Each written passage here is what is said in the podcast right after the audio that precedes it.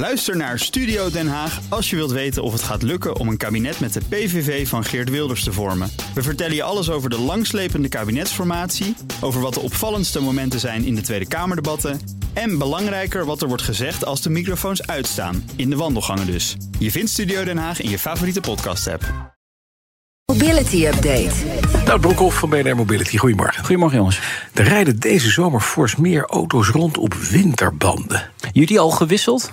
Ah, we hebben nooit gezien dat er een zomer was. Dus nee, wij rijden Ja, op, eh, ik, rij op, ik, rij, ik rij all-seasons banden. Altijd al. Ja, dat, dat, dat neemt ook wel toe. Steeds meer automobilisten kiezen voor die vier seizoenenband. Bijna een derde blijkt uit dit onderzoek eh, van eh, de BOVAG. Die heeft een steekproef gehouden.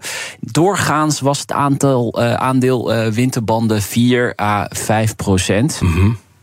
Maar deze zomer bijna 8 procent. Hallo zeg. Het komt eigenlijk een beetje overeen met ehm 730.000 auto's die in Nederland eh, rondrijden. Op winterbanden. Ja. En dan vraagt iedereen, wat is het risico? Ik dacht, een, een, een, ja, een steekproef bij banden, dat is nooit handig natuurlijk. Maar, ehm, maar nee, maar wat is het risico als je op winterbanden in de zomer rijdt? Nou, Ja, die band is natuurlijk wat zachter voor de grip. Eh, zeker eh, in de winter is dat handig, maar eh, in de zomer ja, niet. Dus je hebt een langere remweg in principe. Ja. Ehm, meer slijtage natuurlijk da- daardoor. En, en je verbruikt ook meer. Je hebt ook een wat hogere eh fijnstofuitstoot Ja. daardoor. Maar dit is natuurlijk enerzijds een vorm van luiheid. Hè? Gewoon niet die banden wisselen. Ach joh, laat me, laat me zitten, eh, ver- vergeten. Ehm, of je bezuinigt op de kosten om ze te laten wisselen. Dat, dat kan natuurlijk ook. En ja, we hebben het hier ook over de BOVAG. Hè? Mhm. Die willen Dus graag ja, verkopen. Dat zijn Oh, ik was even ja. kwijt. Ja, dat, dat speelt natuurlijk ook wel een rol. Wat wel echt opvalt is dat die winterbanden veelal onder relatief oude kleine auto's zitten. Die komen het minst vaak bij de garage, zegt de BOVAG, omdat ze ja, minder kilometers maken. Snap ik Mhm. laten die bandjes gewoon zitten. Ja, laten we lekker zitten, joh. Dat, dat komt wel goed. Ja. Dan, eh, vanmorgen een artikel in de krant. Autobezit voor iedereen is niet meer vanzelfsprekend, zegt eh, Jan-Willem Erisman. Ja. is die klimaatprofessor die het kabinet ook, eh, ook eh, adviseert, hè? Ja, is de nieuwe voorzitter van de Wetenschappelijke Klimaatraad. Wordt niet jouw beste vriend, volgens mij. Als ik het zo Nou ja, hoor. maar die, die, ik denk dat hij wel een realist is. Dat hij Ja, zegt, het kan zeker. gewoon niet, Ja. kan er niet uit. Ja, hij heeft een interview gegeven in het AD. Heb je het gelezen? Stukkie. Ja, wat hij zegt is: willen we naar een volledig klimaatneutraal vervoerssysteem, Ja. dan moeten we veel burgers waarschijnlijk, hou nog een slag om de arm, afscheid nemen van, eh, van hun auto. Ja. Hij tempert eigenlijk wel de ambitie dat iedereen straks elektrisch gaat rijden.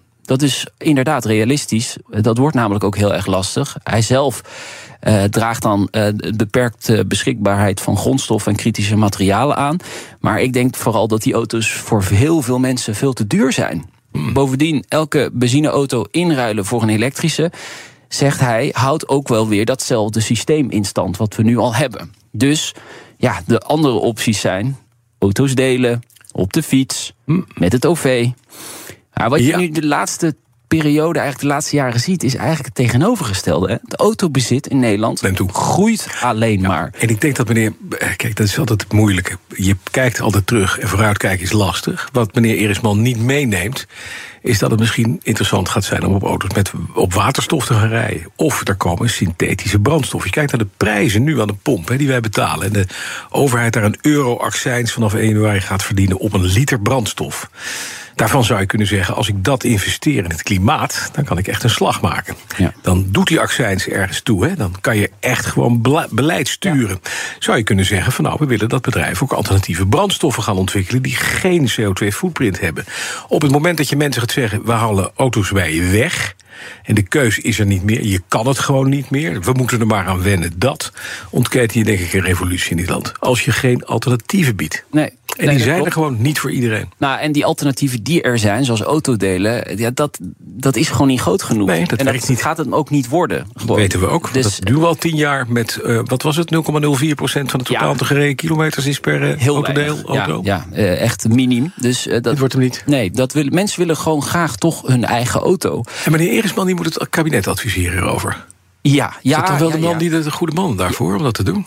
Weet ik niet. Hij wordt in ieder geval aangedragen als de belangrijkste Hmm. adviseur op het ge- gebied van eh, klimaat. Wat wel realistisch is, is dat hij zegt: dit gaat niet binnen 10, 20 jaar gebeuren. Dit Nee. moet echt meer dan 25 jaar moeten we dit gaan doen voordat het uh, allemaal geregeld is. En dat zal ook zeker zo zijn. Er gewoon vijf voor vier, ja, hoor je er meer over de BNR Petrol heel benieuwd naar jullie duiding. Ja, dat kan. Die duiding die Nou, komt er zeker van Carlo en mij. Dus, Ik denk eh, dat we een deel hebben gehoord zojuist. Nee, dus, dat klopt wel, ja. ja. Dan, het UWV stopt na vandaag met het betalen van de salaris... bij het failliete van Moof. ja, En nog geen echte overnamekandidaat. Nee, nee. Ja, dit, dit vormt wel een soort van. ehm, ja, hoe zeg je dat? Symbolische deadline of zo. Weet je? Ja. Dat, het- want ja, als de salarissen niet meer betaald worden of niet meer overgenomen worden door UWV, ja. Blijven die mensen dan nog wel? Ik hoor op de achtergrond hoor ik al dat, dat er gesolliciteerd wordt bij andere bedrijven door medewerkers van, van MOVE. Wat ik begrijp, je wil wel zekerheid ook in je leven. Je wil een baan en je salaris. Dus het is echt wel een beetje lastig te zeggen nu ook eh, wat, wat de stand van zaken is. De, de afgelopen weken lekte steeds wel iets uit dat er interesse was. Maar Wat dat af en toe zo oplicht aan de telefoon. ja, inderdaad. Nee, dat par- partijen die wel de publiciteit zoeken en daardoor eigenlijk een beetje meeliften op de hype rond van Moof. Ja. Maar ja, dan uiteindelijk niet echt over de brug komen met, met een bod of echt serieus zijn. Dus Hm. ja, hoe het nu precies loopt, weet ik niet. De curator heeft eind vorige week wel gezegd dat hij diep in de blessuretijd zit.